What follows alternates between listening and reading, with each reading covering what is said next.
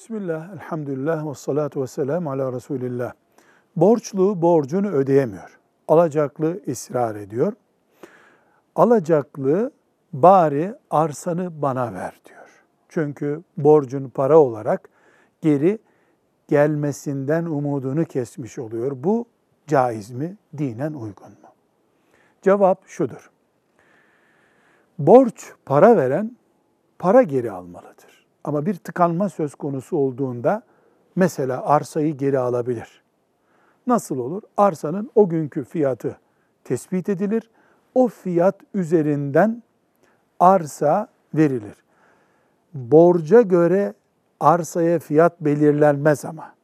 Arsanın fiyatı belirlenir. Gerekiyorsa üstüne konur, gerekiyorsa karşılığında fazlasını öder. Tapudaki masraflar da örfen nasıl yapılıyorsa, mesela arsayı alan tapu dairesindeki masrafları ödüyor diye bir kural varsa o da ona ait olur.